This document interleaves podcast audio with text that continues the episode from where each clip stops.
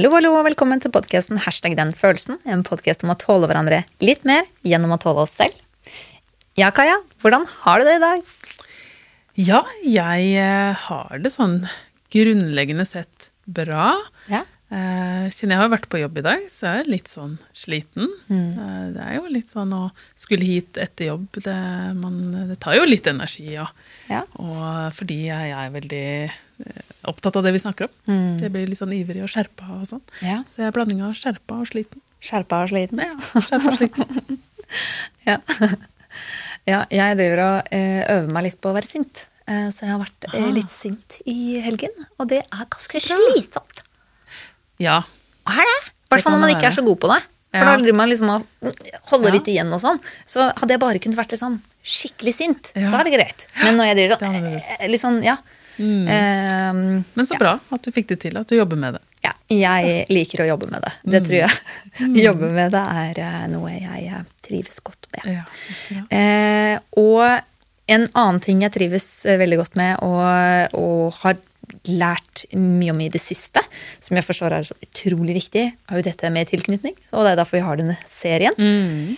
Eh, og jeg har jo lest en bok som jeg syns er ufattelig god. Eh, og det er jo boken 'Følelser' av Tone Normann Eide. Ja. Og i det kapitlet så snakker hun også om tilknytning. Mm. Og vi har fått Tone til å komme hit og Mm. prate med oss. Og det er, jeg føler meg så bæra Ja. over at hun har lyst til å komme hit og snakke med oss. ja, det er veldig stilig. Ja, det er veldig, veldig kult. Så hun Mm. skal komme hit og eh, snakke i dag om de ulike tilknytningsstilene Ja. som ligger under trygg og utrygg tilknytning Ja. for voksne. Hvordan det ser ut, da, rett og slett. Yes. Ja, så Ikke sant. Og så begynner vi jo med, i Ja. dag med den trygge Ja, det tilknytningsstilen. Så det, vi starter der Ja. med å gå litt inn i den og forstå litt mer hva er egentlig trygg tilknytning. Ja. Eh, Hvordan oppleves det, hvordan ser det ut, ikke sant. og så videre. Og så snakker vi om de utrygge neste gang. Neste. Vi måtte dele det opp. Ja, vi måtte det. det var er for stort og viktig. Det er for spennende å gå inn i det, så vi måtte dele det opp.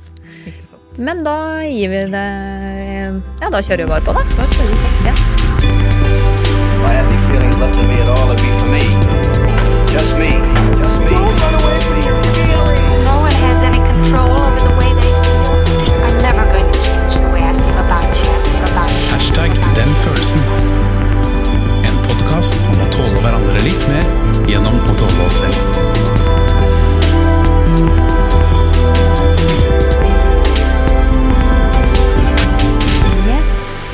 Skal vi snakke med eh, Tone Normann eh, Eide. Det har jeg gleda meg veldig til, for hun har skrevet eh, en av mine favorittbøker. Som jeg til og med har gitt i julegave til folk i mitt nettverk. Hun er rett og slett for meg litt sånn følelsesdronningen. Eller dronningen av følelser. For hun har skrevet en bok som heter Følelser. Så hvis du er interessert i følelsene dine, så bør du bare kjøpe den boka. Og du bare les den. Sluk den. Eh, ta deg god tid, kos deg. Eh, for den eh, kan kanskje endre livet ditt. Ikke intet mindre. eh, Tone, eh, kan ikke du ta oss og fortelle litt om deg selv? Om boken din? Jo. Um, hvor skal jeg starte? Meg selv eller boken? Ta deg selv først. Er meg selv først, ja. Tone Normann Eide. Jeg er eh, psykologspesialist. Eh, jeg jobber i psykisk helsevern, eh, offentlig psykisk helsevern, på en eh, gruppeenhet på Nydalen DPS, som ligger under Oslo universitetssykehus. Og der er jeg også enhetsleder. Jeg har vært der en ja, seks-syv år nå, vel. Um, og så har jeg en liten privatpraksis på si. Og så har jeg også en liten bistilling på universitetet. Uh, og så har jeg rett og slett blitt forfatter da, Uh, av denne boka. Eh, som har vært eh, veldig spennende å, å skrive. Um, så der har jeg Den har jeg brukt mange år på ved siden av full stilling nå, men da, da har dere fått sluttproduktet, så da håper jeg den uh, blir lest. Absolutt. Men hva var det som gjorde at du valgte å skrive en bok om følelser, da? Um, det er jo egentlig en litt lang historie, men eh, hvis jeg skal prøve å gjøre den litt kort, så var det Allerede på studiet så hadde vi eh, en eh, professor som het Jon Trygve Monsen, som introduserte oss for en modell som het affektbevissthetsmodellen. Eh, og der var det eh, Der opererte de med, med typ ja, 10-11 følelser. Eh, hvor man skulle gjøre et sånt affektbevissthetsintervju, og så skulle man score disse pasientene eller man, man intervjuet da på en sånn skala. Ja. Eh, hvor, godt man, hvor, hvor god affektbevissthet man hadde, da. Følelsesbevissthet. Følelsesbevissthet, Følelses, ja. Okay, ja. ja. Eh, og det syns jeg var veldig spennende eh, innfallsvinkel til både det å tenke omkring eh, følelser og eh, jobbe med det i terapirommet. Men så eh, opplevde jeg jo da at jeg hadde ikke noe sted å vende meg for å altså lese meg opp på eller forstå litt mer om disse følelsene. da. Det var, det var liksom litt sånn intuitivt at vi psykologer eller psykologstudenter skulle på en måte vite det, litt sånn hva det var og hvordan de hang sammen og sånt. Men jeg hadde ikke den kunnskapen selv, og jeg tenkte den boka mangler. Noen må skrive en sånn bok om disse følelsene. Og den har jeg egentlig gått og ventet på siden ja, 2000-tallet omtrent. På 2000-tallet. Så eh, var det ingen som skrev den boken. Det er riktignok publisert en del internasjonalt på, på følelser fra like ulike teorier og modeller og sånn, men, men ikke i, den, i det formatet som jeg har valgt å gjøre det på nå, da. Hvor man både prøver å beskrive hva skal man si, følelsene litt innenfra. Altså disse ulike følelseskategoriene, hva de, hva de innebærer. Litt sånn som dere har gjort her på podkasten. Eh, og- men også sånn hvordan eh, Hva som kan skje når de følelses, følelsene ikke fungerer som de skal. Det jeg kaller å ha de på vrangsiden.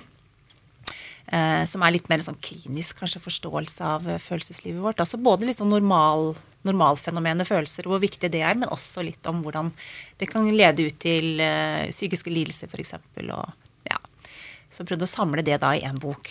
Ehm, så ja, så da Konklusjonen ble jeg måtte gjøre det selv. Ehm, og da ja. Fornøyd med det, tror jeg. Hvordan det ble. Det er du all grunn eh, til å være fornøyd med. Eh, og så har du jo også Jeg har jo lest eh, boken eh, fra A til Å. Eh, innenfor toleransevinduet. Det er jo min nye greie. Eh, prøve å være bevisst og kjenne på det når jeg leser, for det er jo ganske in your face. Eh, det er mye du må liksom kjenne på, da. For å, eller du, du lærer jo veldig mye mens du leser. Eh, og i, det, i noen av de første kapitlene så begynner du å snakke om tilknytning. Ja. Og tilknytning av følelser. Eh, hva var det som gjorde at du den, tok den linken her, da?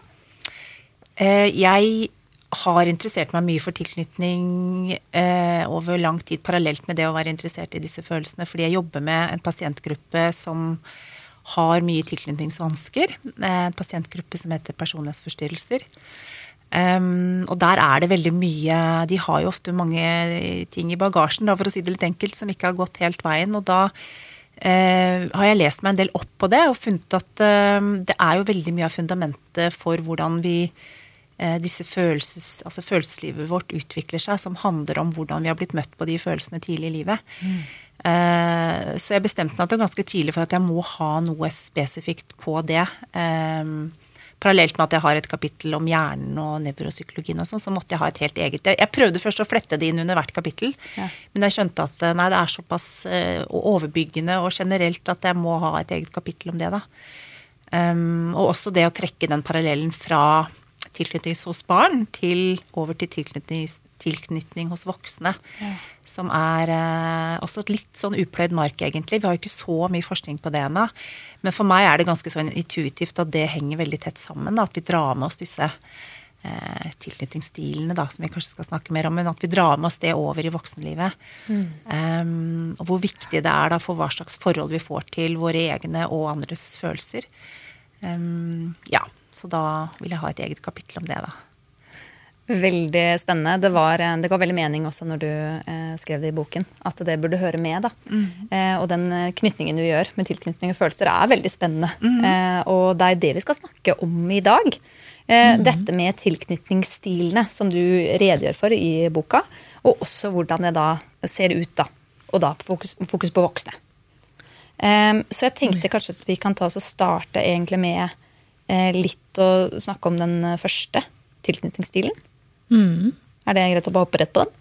Ja, er det ikke det? Og Ja. da tenker du på den som Trygge. kalles trygg. Ikke Ja. Trygg tilknytningsstil. Ikke sant? Det kan jo kanskje Tone si litt mer om, da, hva det er for noe. Ja, for vi har vi fire til sammen. Ja.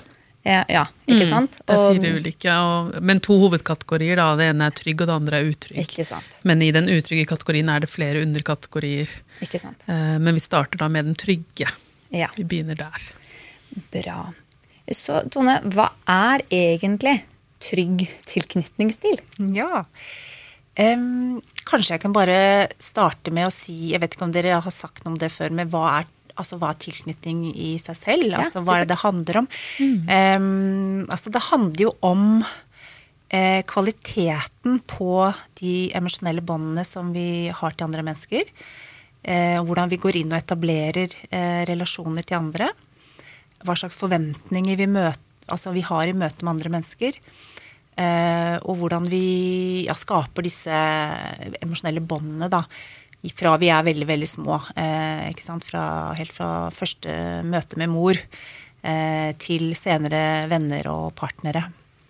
Og kollegaer eller andre også man har rundt seg. Da.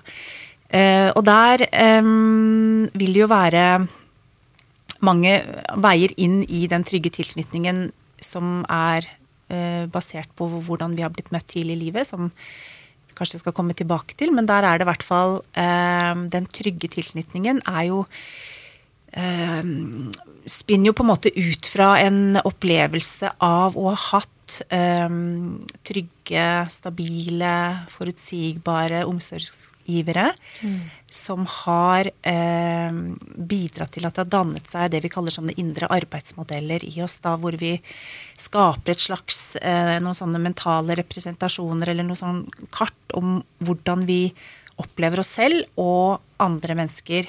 Eh, og når den tilknytningen er trygg, så har vi også et slags fundament i oss som gjør at vi har ganske sånn ja, en ganske sånn trygg og stabil eh, selvbilde. Eh, og en ganske sånn forventning om at vi vil bli tatt imot, at vi vil eh, bli møtt, at vi vil bli tålt av andre. Ja. eh, som gjør at vi eh, på en måte når vi møter mennesker, så er vi ganske sånn Vi trenger ikke bruke masse energi på å undersøke og finne ut av om de vil like oss eller ikke, eller om, eh, om jeg er god nok, eller at man i utgangspunktet tenker at ja, jeg Med en, en viss sånn selvfølgelighet, da, tenker at jeg er et ålreit menneske, og jeg, jeg har også tro på at folk vil like meg hvis jeg blir kjent med dem. Og jeg er også nysgjerrig og interessert i å bli kjent med mennesker. Ja. Sånn at man har et slags, en slags eh, åpenhet eh, i møte med andre, da. Som ikke er altfor fargelagt av eh, negative forventninger som de mer utrygge tilknytningsstilene har, da. Ja. Kan man si at liksom de, eh, for de indre arbeidsmodellene, det var jo ting jeg reagerte på som positivt, som syntes var veldig spennende om i boka. Men eh, kan man si at det er litt som et minne? En sånn indre minne eh, som jeg henter opp. Sånn at jeg antar jeg at folk vil møte meg eh, med nysgjerrighet og åpenhet, for det har jeg blitt møtt med også. Litt sånn. Ja. Jeg, jeg tenker på det sånn, eller vi kan kalle det noe slags minnespor. Ja. Eh, og hvis du har blitt møtt på en ganske sånn eh, empatisk, varm, trygg måte gjennom livet, så er det klart hvis det har vært det repeterende mønsteret, da, samspillsmønsteret, så setter det jo seg i, i eh, minnet vårt så, Ja. og skaper noen slags sånne loops eller, eller spor som gjør at når vi, er, når vi møter mennesker, eller når vi er i situasjoner hvor dette tilknytningssystemet vårt aktiveres, så vil disse, vekk, disse representasjonene eller minnesporene vekkes opp på en måte til live og, akt, og aktiveres ganske sånn umiddelbart og, og intuitivt for oss. Da. Det er ikke noe vi trenger å tenke over, det bare skjer. Um, og det er jo Ja, så man trenger ikke bruke mye energi på det. Så det er jo det er, det er minner, og så er det jo noe med hva man uh, i de ulike situasjonene Det er jo ikke sånn at man uh, Dette tilknytningssystemet vårt er påskrudd hele tiden. Men det er spesielt i situasjoner hvor vi kanskje er litt ekstra sårbare. Eller hvor, vi litt, hvor, sånn, hvor man er litt utrygt, hvor det er litt sånn ukjent terreng, og hvor man kanskje eh, trenger at det er noen andre der. Hvor man umiddelbart kanskje vil oppleve at man, at man vil søke trøst et sted, eller hente støtte et sted, fordi man er vant til å, til å få det, da, når ting blir vanskelig. Og det er interessant å si at man har ikke det skrudd på hele tiden. Nei. Nei. Forklar litt. eh, Det, ja, var nytt for meg. Ja, Nei, altså det, det er det som er litt sånn godt for de som er sånn veldig trygge, da. Altså Vi har jo, kan jo ha litt ulike elementer av litt trygg og utrygg. Det er også greit å si at eh, selv om man kan være relativt trygg, så kan det også være elementer av kanskje noe mer utrygt eh, der. Men, men hvis man er sånn grunnleggende ganske trygg, så, så eh, så er det sånn at man, eh, fordi man har etablert en slags Denne liksom trygge basen er på en måte litt etablert inni oss, sånn at vi, vi går rundt og kjenner oss ganske sånn trygge og rolige mm. i mye av tida. Hvis, når vi liksom fungerer i, i hverdagen vår. Eh, det er klart det er stressmomenter, og man kan hause seg opp og sånn, men i det store og hele så, så fungerer man Så går ting på en måte som det skal. Det humper og går, ikke sant. Det trenger ikke bekymre seg så mye. og Ehm, sånn at, eh, og da, hvis man da i tillegg er så heldig at man har en partner som er trygg, og at man har venner som er trygge, og et, et, en jobb man liker, og sånn, så er det på en måte mye tilgang på de der positive følelsene. Og dermed så, ja, så trenger man ikke på en måte gå og bekymre seg eller være urolig. Og da er, da er på en måte, hva skal man si, da ligger tilknytningssystemet litt sånn i dvale. Men det vil jo vekkes opp idet man møter nye mennesker, f.eks. Ja. Så kan det liksom aktiveres igjen, og så kan man på en måte bli ikke sant, alt fra å bli forelsket til å bli eh, veldig fascinert av noen, eller kjenner at man blir utrygg, eller at man blir skeptisk, eller Sånn at da er det på en måte skjer et eller annet i relasjonen der som gjør at noe av dette gamle vekkes opp litt til live, da. Ja. Um, og da kan du jo sette i gang ting, men, men, men hvis man er trygg, så vil det kanskje Litt sånn som følelsene våre er ment å operere også, så er det sånn at det settes i gang en reaksjon i oss. Og så er vi da, reagerer vi på en eller annen måte, og så er man da stort sett innafor dette toleransevinduet som du nevnte. At man får noen reaksjoner, man får noen følelser på mennesket, men så klarer man kanskje å tenke litt rundt det og sortere litt i det, eller og sånn, og så roer det seg, og så er man på en måte i vater igjen. Og så tenker man ja, han om det, og meg og mitt, og det er greit. Og så er man litt sånn avgrensa i det. Ja. Um, og så trenger man ikke bruke mye energi på det etterpå. Um, For ja. det er vel, så kan jeg bare skyte inn et Ja. spørsmål til det. For det er vel sånn at selv om vi er trygt tilknyttet i grunnen, da, så vil vi fortsatt kunne kjenne følelser av utrygghet. Absolutt. I eksempel, som du sier, med nye personer og sånn. Ja, ja, Så det å være trygt tilknyttet betyr ikke at man går rundt og er trygg hele tiden og Nei, nei. aldri kjenner på noe ubehag, men, men det er som du sier, man kommer kanskje raskere tilbake til seg selv, eller, ja. eller vet hva man skal gjøre med de følelsene, og er trygg på at det kan jeg dele. Mm. sånn, er det sånn du tenker? Absolutt, sånn tenker jeg på det. Og da har man, ikke sant, er, Vi er jo litt forskjellige på hvor følsomme vi er også, selv om vi er trygge. Og noen, selv om man er trygg, så vil man jo noen av oss aktiveres ganske raskt i noen følelser, hvor man kjenner at man blir vippa av pinnen og detter litt ut av dette toleransevinduet av og til, og mister litt det vi kaller mentaliseringsevnen og, og sånn. Men, men det er nettopp det at man, man klarer å hente seg inn igjen, eller det får ikke Ja. så dramatiske følger, da. Får ikke så store konsekvenser som det vil gjøre kanskje med de som er mer utrygge. Sant? Eh, og så er man også, jeg tror, selv om jeg har jo ikke nødvendigvis sånn kjempegod forskningsbelegg for det, men jeg tror også at hvis man har den derre trygge tilknytning bånd, så vil man også eh, møte verden med en litt sånn robusthet, sånn at man eh, man tåler da stress, eller det sier faktisk forskningen noe om også, man tåler stress og påkjenninger bedre. Sånn at man, man kan bli utsatt for en del vonde ting, men, men, eh, og har naturlige reaksjoner på det, sterke følelser på det. Kan jo bli utsatt for eh, vonde ting, liksom, og kjenne på det. Men så er, er det liksom at man henter seg inn igjen og kommer liksom tilbake litt i sitt, sitt eh, vante jeg, på et vis, da. Mm. Ikke sant? Og så- er det jo sånn at det er jo den tilknytningskategorien som er mest vanlig. Ja. Altså at de fleste av oss, eller hvis man tenker på forskningen, så er det jo barn og foreldre man gjerne har sett på, da. Men de fleste som blir sett på i den sammenhengen, på den måten, havner innenfor den trygge kategorien. Ja. Så det er det som er mest vanlig, da. Å være trygt tilknyttet. Ja, men det var jo ikke så mange. Sånn, du så på den, det var jo sånn 60 Ja. som var bare i den trygge, og 40 Ja. som var i den utrygge. Ja, som så var er- fordelt på de tre kategoriene. da. Ikke sant? Så det er ikke sånn kjempestor Nei, forskjell, da. men Men, eh, men flertallet av oss er trygt tilknyttet, da. Ja. Så det er jo litt sånn greit å vite det, at det er det mest vanlige. Ja. Men det er ganske mange òg som Ja. er i den utrygge hoved... Eller eh, generelle utrygge kategorien. Da. Ja. Men, og der tenker jeg også at det er grader. ikke sant? At, Ja, eh, for vi har, jo, vi har jo litt behov for å plassere det veldig sånn i sånne atskilte kategorier. men For å gjøre det litt mer sånn ryddig for oss. Men det er nok mange som har litt sånn grader av det. Ikke sant? Jeg er jo ikke helt sikker på om jeg er 100 trygg, eller jeg er jo noe uttrykk der. Sånn at, mens andre vil jo være, sånn som mange av de pasientene vi jobber med, vil være mye klarere inn i den utrygge, da. Ikke sant. Um, Som har en diagnose, eller ja, ja. Da er det liksom ja, gått veldig sterkt opp på den skalaen, da. Ja, ikke sant. Men at vi alle kan kjenne oss litt igjen i mange ulike typer former for eh, Ja. Det kan jo være sikkert også noen relasjoner man er mye tryggere med òg. Det er et godt poeng, og jeg tror Og situasjoner. Ja, ikke sant? Og det kan være at eh, selv om man tenker at den stilen man har med seg fra tidlig i livet er relativt stabil gjennom livet, så vil det jo være også type relasjoner eller hendelser, ja, spesielt litt, kanskje litt lengre relasjoner, da, som gjør at man kan oppleve seg selv å bli mye mer utrygg. At man er, en, er litt uheldig og havner inn i en veldig dårlig relasjon f.eks. Og begynner å tvile på seg selv eller bli redd. Eller, som jo på en måte kan være en naturlig eh, reaksjon i en veldig destruktiv relasjon. Men at det kan sette såpass store spor at man blir eh, får noe varig, jeg håper å si varig men av det, men at, i hvert fall at man blir påvirket, da. Em, ja. Men så viser det seg også, det er jo det som er litt sånn på en måte litt sånn urettferdig, er at de som har den trygge tilknytningen i bånd, de har, det har en tendens til å gå ganske bra med de på mange måter gjennom livet, da.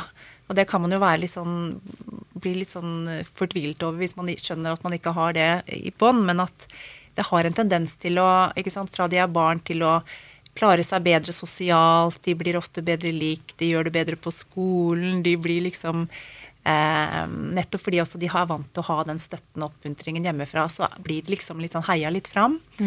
Eh, og så har de en tendens til å da søke litt til likesinnede, som man jo gjør. Og så skaffer man seg kanskje også andre venner og, og partnere som også og så er det, blir det en sånn god, det blir sånne gode spiraler ut av det, da. Sånn at, og det er jo veldig fint for de som har det sånn. Topplaget. Men, ja, ikke sant? Selv om det også selvfølgelig kan gå Det vet man jo ingen garantier, selvfølgelig. Men, men sånn på gruppenivå, da, så går det ofte ganske bra med de. Og selv om de kan ha en psykisk lidelse eller få en knekk en gang i livet, så, som sagt, så henter de seg eh, inn igjen, og det går, eh, går så bra til, da. Mm. Mm, det som Det kan jeg kjenne meg igjen i, egentlig. Dette her med å, å ha et trygt fundament eh, i bunnen. For det tror jeg at jeg har, da. Ja. Selv. Eh, men jeg har jo også samtidig, og det er noe av det vi skal eh, eller som vi snakker om i denne Ja. serien her om tilknytning òg, at jeg har jo også noen erfaringer med utrygghet Ja. i relasjoner. Så, og det har gjort at, eh, og grunnen til at jeg nevner det litt sånn eksplisitt nå, er fordi jeg tror For jeg har vært litt sånn forvirra, nesten selv om Og jeg er jo psykolog selv, så jeg burde jo vite masse om dette her, og jeg vet jo selvfølgelig hva tilknytning er og sånn, men sånn i mitt eget liv så har jeg tenkt litt sånn Ja, jeg, jeg kan kjenne meg igjen i begge deler, da. Eh, Litt avhengig av hva slags relasjon det er snakk om. Så for meg er det litt sånn klargjørende det du sier nå, Tone, om at de som har en trygg tilknytning i bunnen, de kan selvfølgelig også oppleve mye vondt i livet, eller havne i situasjoner, relasjoner som er vanskelige. Men det er den evnen til å på en måte ja, klare seg i det, da. Og komme litt tilbake til utgangspunktet sitt, på en måte. At det kanskje er litt der du merker som voksen at, at du har en trygg tilknytning i. I bunnen da. Så, for det er jo veldig, veldig sammensatt, egentlig. Det er jo ingen av oss som bare har det bra, eller som bare har Nei. gode, stabile relasjoner hele tiden. Nei, og jeg kan jo kjenne meg igjen i at jeg har jo en, er jo i en veldig bra relasjon med samboeren min. At jeg har jo blitt tryggere. Veldig mye tryggere. eh, Fordi han er så stabil. Da. Så, så det er veldig interessant på en måte hvordan ting kan utvikles, utvikle seg også ved langvarige, sånn nære relasjoner. Da, som, som ja, Man kan snakke om ting, da. Hvis man f.eks. uttrykker seg, ikke klarer helt å uttrykke behovene sine, og kanskje ikke lært det på den riktige måten, og så ja, hva er det du egentlig mener nå? Og så kommer man liksom inn i dypet. Å ja, ok. Og så blir man litt og litt tryggere. Så jeg har jo erfaring med at man kan bli Jeg tror ikke jeg var sånn veldig utrygg heller, men allikevel, på den skalaen, var ikke helt trygg. Eh, Men har blitt tryggere. Og det var veldig morsomt å lese den boka og kjenne sånn Ok, jeg kjenner meg faktisk mer igjen i trygg tilknytning nå. Og det var litt sånn godt, da. For det er jo sårt å lese når man kjenner seg igjen i noen av de andre. Oi, oi, det er meg. Oi. Um, men at det, det er veldig sånn håpefullt i det òg, da. Man, kan, man kan endre det. Um, med god jobb. Og det handler jo egentlig om at man forstår jo, og vi kommer sikkert litt inn i, inn i det også, at det er jo et forsvar. Ikke sant? At det er veldig forståelig hvorfor folk reagerer sånn som de gjør. Men det er jo veldig fint, dette med trygg tilknytning. Eh, og det, det er jo noe å liksom søke etter, da. Siden det har så mye positive eh, ting rundt det. Men hvordan ser det ut? For den som opplever det, eller for, eh, for den som blir vitne til det, holdt jeg på å si. Godt spørsmål. um, Ja, vet du, Vi har jo snakket Ja. litt om hvordan det er å oppleve det da, allerede. Du har jo sagt noe om at hvis eh, man selv er i den kategorien, så kan man oppleve det som at det er et sånn trygt fundament der. Eh, og at man har noen å søke til, og også noe i seg selv da, å søke til. At det er en slags trygghet, rett og slett, da, eh, i bunnen der. Så, Men det kan hende det er litt mer å si om det òg. Hvordan Ja. er det å ha trygg tilknytning? Hvordan ser det ut? eh, La oss si for de utenfra, da. Ja, jeg Ja. kom på, altså Hvis vi kunne koble det litt opp med det med følelser, da, det ville jo Ja, være fint ja, å gjøre her ja. i denne Ja, podkasten. veldig. Og lurt. eh, så er det jo noe med at eh, Du nevnte det med toleransevindu. Det, det er en modell jeg også er veldig glad i, som jeg også refererer til, som jeg tror har veldig mye for seg. Vi Kanskje du kan forklare litt hva det er? ja. ehm, også fordi vi i, i mitt felt snakker veldig mye om følelsesregulering og følelsesdysregulering, da, fine ord. Men, men at, man, eh, at veldig mange av våre pasienter strever med den, den reguleringen. Og da er det jo sånn at vi alle har et slags eh, vindu som vi, når en følelse er aktivert Hvis den er innafor toleransevinduet, så klarer vi å bruke den følelsen for det den er verdt, på et vis. Fordi vi klar, den, er sånn, den er sånn passe aktivert, og da, da klarer vi å fortsatt å bevare tenkeevnen vår. Så vi klarer på en måte å, å føle en, en følelse, f.eks. å kjenne at jeg jeg blir irritert på deg nå fordi nå syns jeg du gjør sånn og sånn. Jeg klarer å koble på tenkeevnen og gi uttrykk for hva jeg føler. Eh, og i beste fall så er du ganske ålreit og tar imot det, ikke sant. Og så kan vi ha en samtale, og så roer det seg igjen. Det er en god måte å bruke en følelse på. Jeg blir tydelig, du forstår meg, og, så, og så er vi venner igjen. Ja. Men eh, hvis du da Og det, apropos det tenker jeg kjennetegner mange med trygg tilknytning. De klarer å bruke følelsene sine på en sånn måte som gjør at de ikke f.eks. utagerer dem, eh, i betydningen mister kontrollen på de. Eh, som jo kan skremme En følelse som sinne, f.eks., som kan skremme, skremme mennesker. Eller at man eh, får full panikk. Hvis man blir litt engstelig, så går det over i full panikk. Eller, og i det øyeblikk det skjer, så sier man at man er hyperaktivert. Eller da, man, da går man over vinduet Ikke sant? Ja. Det er for sterkt. Da er det for sterkt. Ja, det kan vi kanskje snakke litt om under de andre tilknytningsstilene Ja, også. ja. Eh, vi kan komme tilbake til det. Men, men den trygge tror jeg handler veldig mye om at du klarer å være eh, Vi har et sånt begrep som sier at man skal også i terapi ikke nødvendigvis smi mens jernet er varmt eller jernet er kaldt, men jernet er sånn lunkent. Man må være litt sånn passe påskrudd. Ja. Eh, og det er også en veldig fin eh, relasjonell ferdighet. At man er sant, Det at man kan være aktivert i en følelse i, når du er i kontakt med mennesker, og spesielt de positive følelsene. Da, det vekker jo også opp noe positivt hos andre, at du har tilgang til de følelsene, som veldig mange av de med trygg tilknytning har. Um, og, at du, og at du også, vil jeg eh, påstå, har relativt gode uh, empatiske evner. De fleste med tilknytning har det, fordi de er vant til å eh, bli møtt på en måte som gjør at de føler seg sett og forstått. Det viser seg at det er noe av det som på en måte trener opp våre empatiske verdigheter også. Sånn at eh, et, en person som Hvis man har en venner, da, hvor man kjenner at de, man føler seg sett og møtt og forstått og vet at jeg alltid kan sånn og sånn, så kan, er kanskje sannsynligheten stor for at de også har en trygg tilknytning i bånd. og- Men også at de klarer å ta seg selv tilbake. For det er jo en fallgrube der at noen vil jo strekke seg altfor langt. Det kan også være et tegn på en litt mer utrygg tilknytning, faktisk. Men, men at man kan være der, men at man også kan ta seg selv tilbake og være litt sånn avgrenset. Og av og til kunne si, vet du hva, jeg skjønner at du, at du har litt vanskelig nå, men nå trenger jeg faktisk også å ta litt vare på meg selv.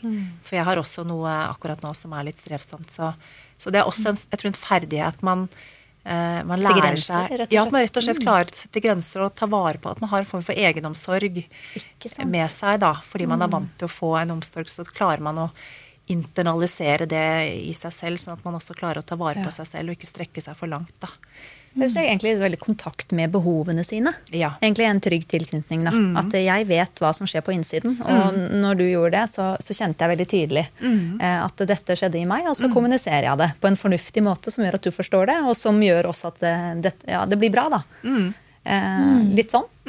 Ja. Og at jeg til og med kan tåle, ikke sant. Fordi hvis jeg er mer utrygg, så er det, kan det være veldig vanskelig for meg å sette grenser, for da forventer jeg kanskje at du vil eh, ikke være vennen min vel lenger, eller du vil ikke like meg, eller sånn. Men hvis, hvis, jeg, hvis jeg har en ganske sånn trygghet på at du er jo vennen min, og vi kan tåle liksom litt sånn knuffing, og, og jeg, og da, men jeg tror at det holder, da.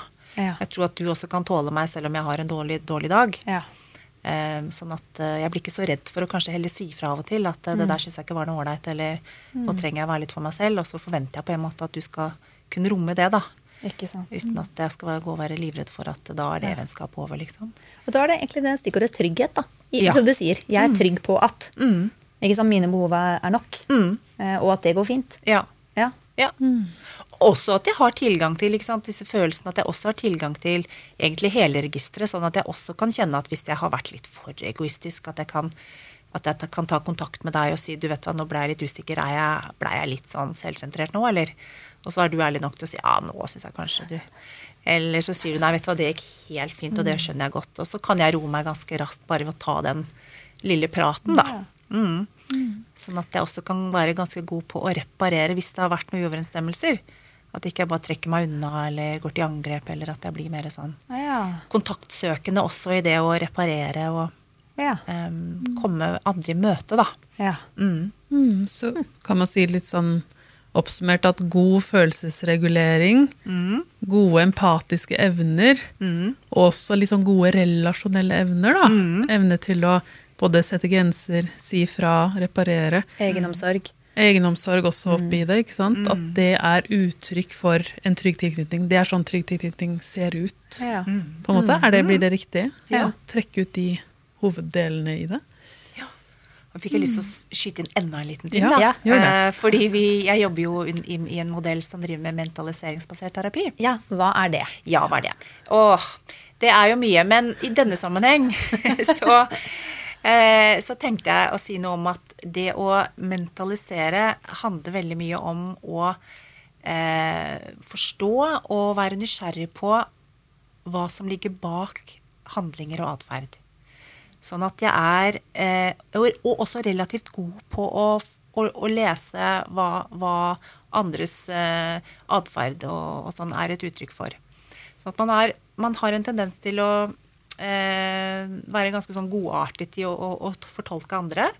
Andres intensjoner. Eh, også at man er åpen for eh, andre perspektiver. Sånn at man ikke, blir ikke så fort låst i at jeg f.eks. har 100% rett, og du tar feil, eller fordi du gjorde det, så er du et dårlig menneske. Eller at jeg kan hele tiden tenke hm, lurer på hva som skjedde der. Hvorfor reagerte han på den måten? Og hva var det som gjorde at jeg tenkte sånn akkurat nå? Og hvordan, hvorfor fikk jeg den følelsen? At man er litt sånn nysgjerrig på å finne ut av da, og forstå hva som ligger bak.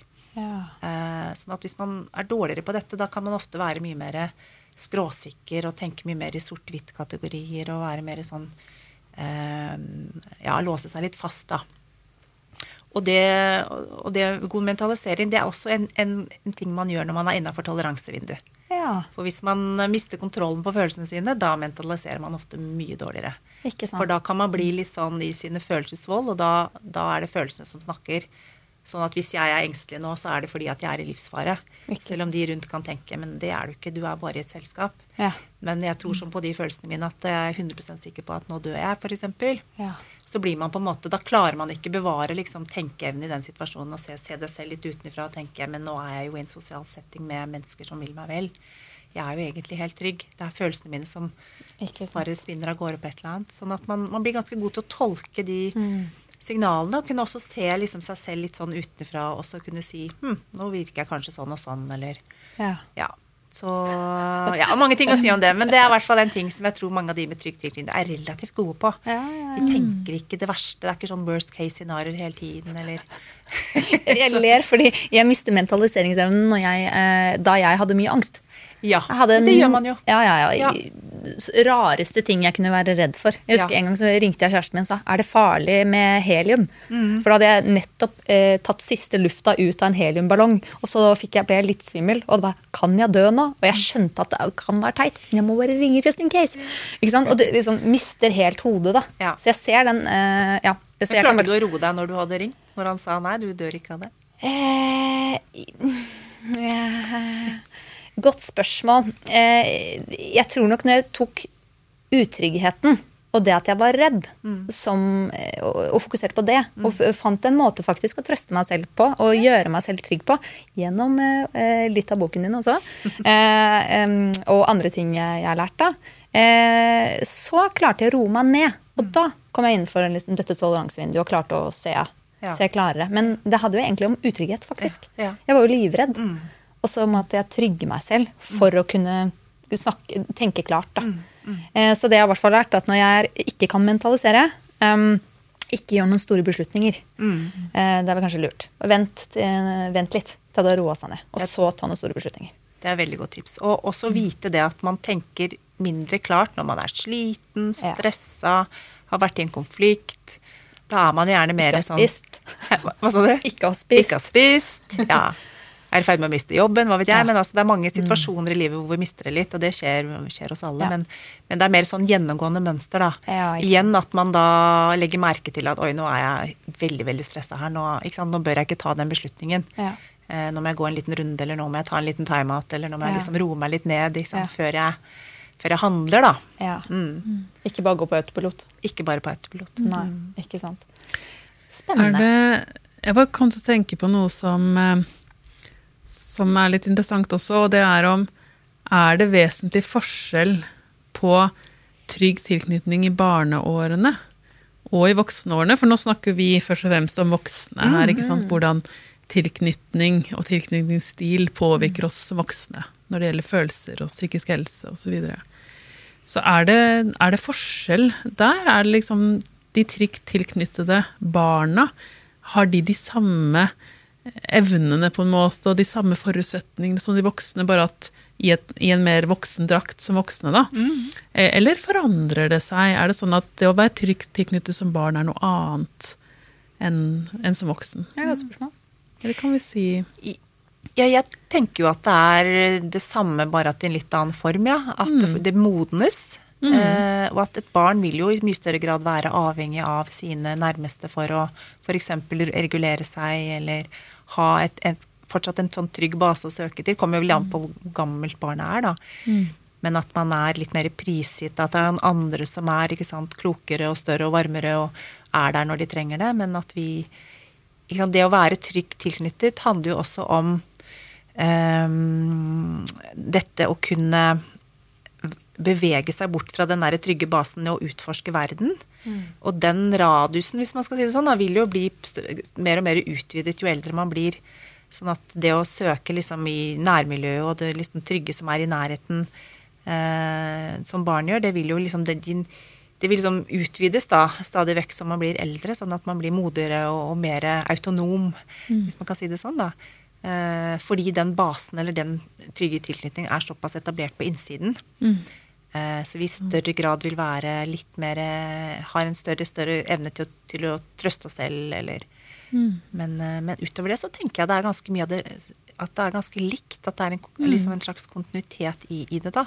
Ikke sant, Så det som er ytrestyrt på en måte som Når vi er små, da, at vi trenger trygge omsorgspersoner for å hente tryggheten derfra, det blir på en måte litt sånn internalisert, som vi sier det på fint. altså Det Ja. blir en del av det indre livet vårt. At som voksne så er vi jo, som du er inne på, vi, da har vi jo ikke den samme eh, Altså vi lever jo ikke i eh, et sånn omsorgsforhold med noen som har omsorg for oss. Um, så da handler det om at vi må ha den inni oss, da. Ja. Disse arbeidsmodellene eller minnene, og Minnene, sånt, ja. som gjør at vi Så det er det som er forskjellen mellom barn og voksen mest. Ja, og også det at man utvikler denne skal vi si, mentaliseringsevnen, eller denne evnen til å reflektere over oss selv. Liksom. Barn er jo mye mer umiddelbart til stede. De, de bare er, tenker ikke så nøye over og vurderer ikke så mye. Mens vi, vi tillegger oss jo noe sånn der eh, Hva er det Freud kalte det? ikke sant? Et overjeg eller et eller annet sånn der kritisk eller noe, ja, sånn- ego, noen, noen sånne instanser som driver og evaluerer, og, og den kan jo være veldig Den kan være relativt mild hvis du er, er trygt knyttet, men den kan bli strengere strengere hvis du er, er mer utrygg, da. Men, men at du har hele tiden en sånn et, en evne til å vurdere deg selv, se deg selv utenfra, kunne ta perspektiver, det blir man jo bedre og bedre på som voksen, da. Ehm, så det er også kanskje en forskjell, men det er liksom Det bare bygger, bygger på den basen man har, da. Mm. Også den evnen til å reflektere. Og jeg vet ikke, nå er det kanskje ganske litt sånn åpenbart i det vi sier, men likevel så kan vi kanskje trekke fram litt sånn Hvorfor er dette viktig å vite noe om? Ja, Hvorfor er det viktig å vite noe om Hvor, hvorfor, tilknytning? hvorfor skal vi sitte her og snakke om tilknytning, og trygg tilknytning særlig Ja. nå, da? Ja. I dag, liksom. Hvorfor er dette viktig at vi snakker om? Mm. Har vi noen tanker om det? Ja, altså det, er- Ja, det er jo mange Det er kanskje enda viktigere kanskje å kjenne til det hvis man er litt utrygg. For er- igjen er det jo det der hvis man er trygg, så er det jo ikke så mye å bekymre seg for. på et Ikke vis. sant?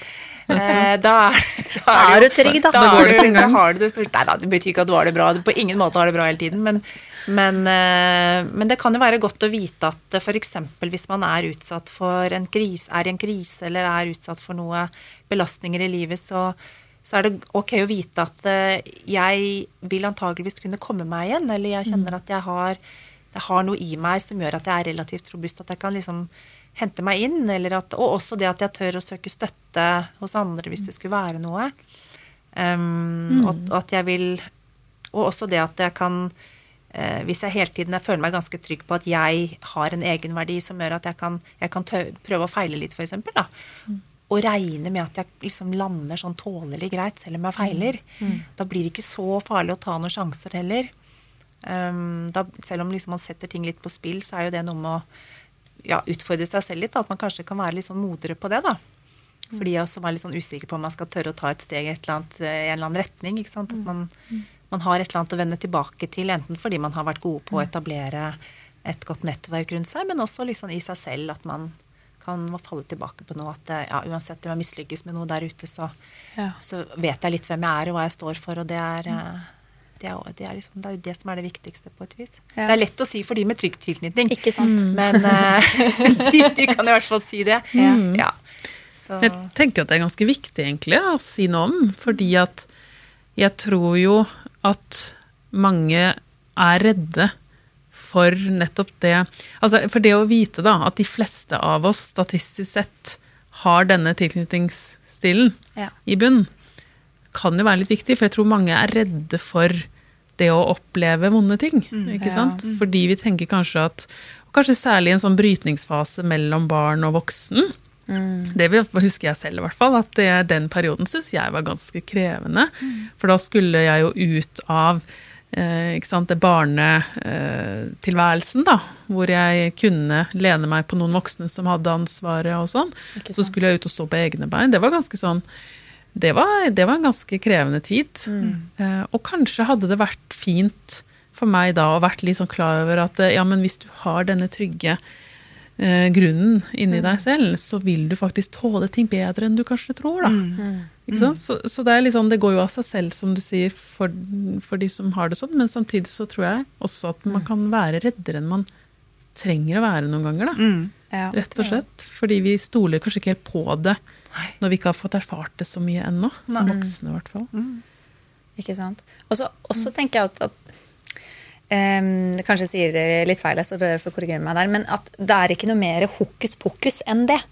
Eh, Det er liksom trygg. Det er eh, at du er i kontakt med deg selv og andre. Eh, og, og det er som du sier, at folk som er trygge tilknytning, får veldig mye positive ting med seg. eh, fordi de har denne tryggheten. Men at man kan liksom jobbe med utryggheten. Og, og, og, og en ting jeg også eh, var veldig interessert i i, den, i boka di også, dette med liksom det å ha en indre arbeidsmodell for dette å få trøst. Dette å kunne liksom For vi snakker om den trygghetssirkelen og det å være nedpå-sirkelen og oppå-sirkelen. og Rett og slett dette er at nå trenger jeg å, å trøstes, nå trenger jeg et fang, og nå trenger jeg å utforske. Og at man kanskje ikke har fått eh, fanget da, når man trenger. Og at det kan egentlig man skape litt selv, eller i hvert fall vite. Og det er det jeg trenger. Jeg tre det er ikke noe annet. Jeg er ikke en ubrukelig person. Jeg er ikke noe eh, man, Det trenger ikke å være at man ikke er verdifull, men man kan tenke jeg fikk kanskje ikke bare den trøsten. Og de som er trygge, eh, fikk det. Ok, men da er det det jeg trenger. Ok, Så kan man kanskje gå i terapi da, eller um, For å få tak i det, tenker jeg. Jeg syns i hvert fall det er veldig sånn Det er ikke noe mer hokus pokus enn det. Det er bare at man er mer trygg. Og så kan man jobbe mot det, da. Selv om det er jo en, en jobb i seg selv, selvfølgelig. Så jeg skal jo ikke gjøre den til en sånn lett sak. Men kan vi ikke snakke om dette litt mer, i den derre trøstingen? Um, for den syns jeg er litt uh, interessant. Jeg bare kom på en liten ting når du sånn har begynt å trekke inn det med det der eh, altså den eh, trygge sirkelen. Ja. Eh, I forhold til det der med å ha ganske sånn realistiske forventninger omkring hva man kan forvente. Både i forhold til det der å få støtte på utforsking, men også nettopp det du sier med å få en forventning om å få den trøsten når jeg trenger det. Eh, at det også er for de trygge ganske sånn eh, intuitivt, eller litt sånn De trenger ikke være så bekymret for om det kommer til å skje eller ikke. Antageligvis også fordi de har vært ganske gode til å skaffe seg folk rundt seg som faktisk kan gi det. Eh, sånn at da blir de mm, Ja, trenger ikke bekymre seg så mye for det, da. Nei, ikke sant? Men jeg vet ikke om det var det du spurte om nå. Jo, det var egentlig mer sånn Jeg tenker jo det at de som er trygge, supert, så bra, ikke sant? De trenger kanskje ikke gjøre så veldig mye mer enn det. Da tenker jeg så, så fint. Men jeg tenker eh, det å snakke også mye om trygg tilknytning kan også være eh, litt for å forklare hva det er for de som ikke er trygge. At det er ikke noe mer hokus pokus enn det. Um, og at det er det man må jobbe med, da. Tryggheten. Eh, og man, utover det trenger ikke å være noe feil. Nei. Det er trygghet både i forhold til det å ha det fanget, altså komme tilbake til den der Ja. trygge havnen, på en Ja. måte. Men også det å trygghet på at eh, det er noen som heier. Ja. At det er noen som på en måte støtter og heier og liksom har tro på deg, da. Mm. Uh, og at du, at du har en slags, sånn, en slags sånn forventning Egentlig sånn realisti, en litt sånn realistisk forventning og en realistisk vurdering av hva du kan få til òg. Ja. Sånn ikke du, for det er jo noe med at ikke du skal ha altfor sånn derre stor, storhetsdrømmer heller, for det er jo heller ikke så bra. Grandiose tanker. Nei, ikke sant? Det, da kan man jo også falle veldig dypt. sånn at det å ha en litt sånn Ja, dette er jeg god på, men dette her er jeg ikke så god på. Kanskje det er ålreit at jeg liksom gjør litt mer av det. Eh, sånn at jeg har litt sånn realistisk selvbilde òg, da. Ja, ikke at det betyr ikke at selv om man er trygg, at man føler seg helt suveren. Ja. Snarere tvert imot. Man har en ganske sånn ok i forhold til seg selv og kan tenke ja, jeg er god på noe, så har jeg noen svakheter. Liksom. Ja. Og det er ok. Ja. Jeg er også et menneske. Ikke sant. At man kan være litt sånn raus med seg sjøl på det man også ikke får til eller er god Ja. på. Mm. Ja, det er den realistiske biten. ikke sant? Man blir ikke noe overmenneske av å være trygg. Nei, på ingen måte. Nei. Man blir veldig i kontakt med den du, man er, Ja. faktisk. Mm. Ja, Bare trygg. Ikke perfekt, men trygg. Ja. Nei, ikke perfekt. Nei, det er viktig. For det fins ikke. Nei, det tror jeg ikke. Ikke sant? Og, og litt sånn apropos der òg, da. Ja. Så tenker jeg med en sånn referanse kanskje til en selvfølelse. Selvtillit.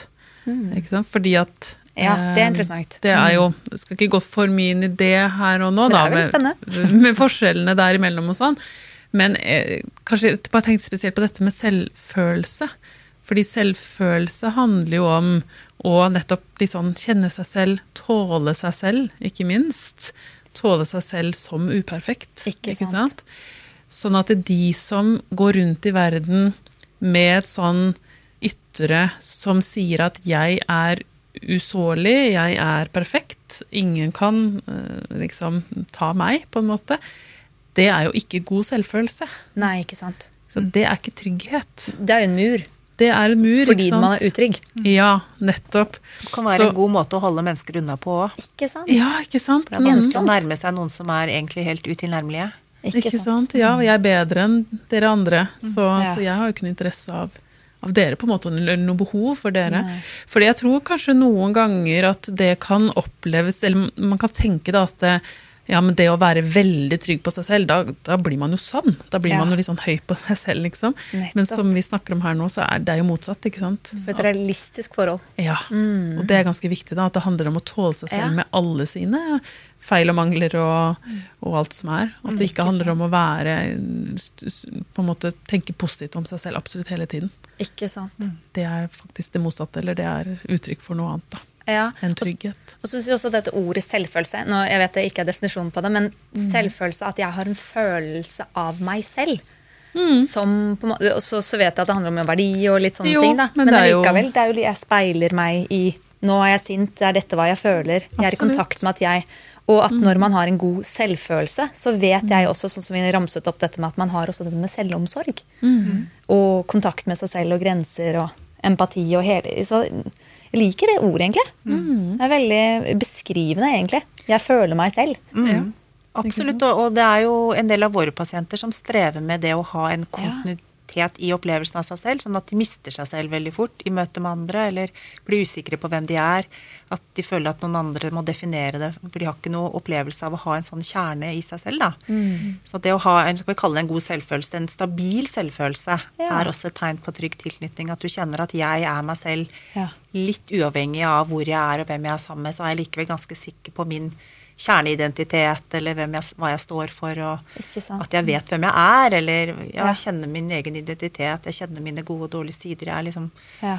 ganske sånn um, Ja, trygg i det, da. At, Mm. Og stå, stå støtt i det på et vis. Mens, øh, mens mange av våre pasienter øh, har en mye mer sånn fragmentert opplevelse av det henger på en måte ikke sammen.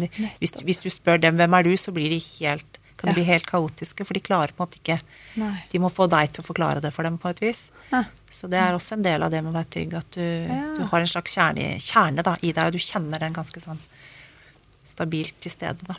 Det er en eh, litt sånn parallell til egentlig en, en tidligere episode vi har hatt om bevissthet, egentlig, eh, og følelser.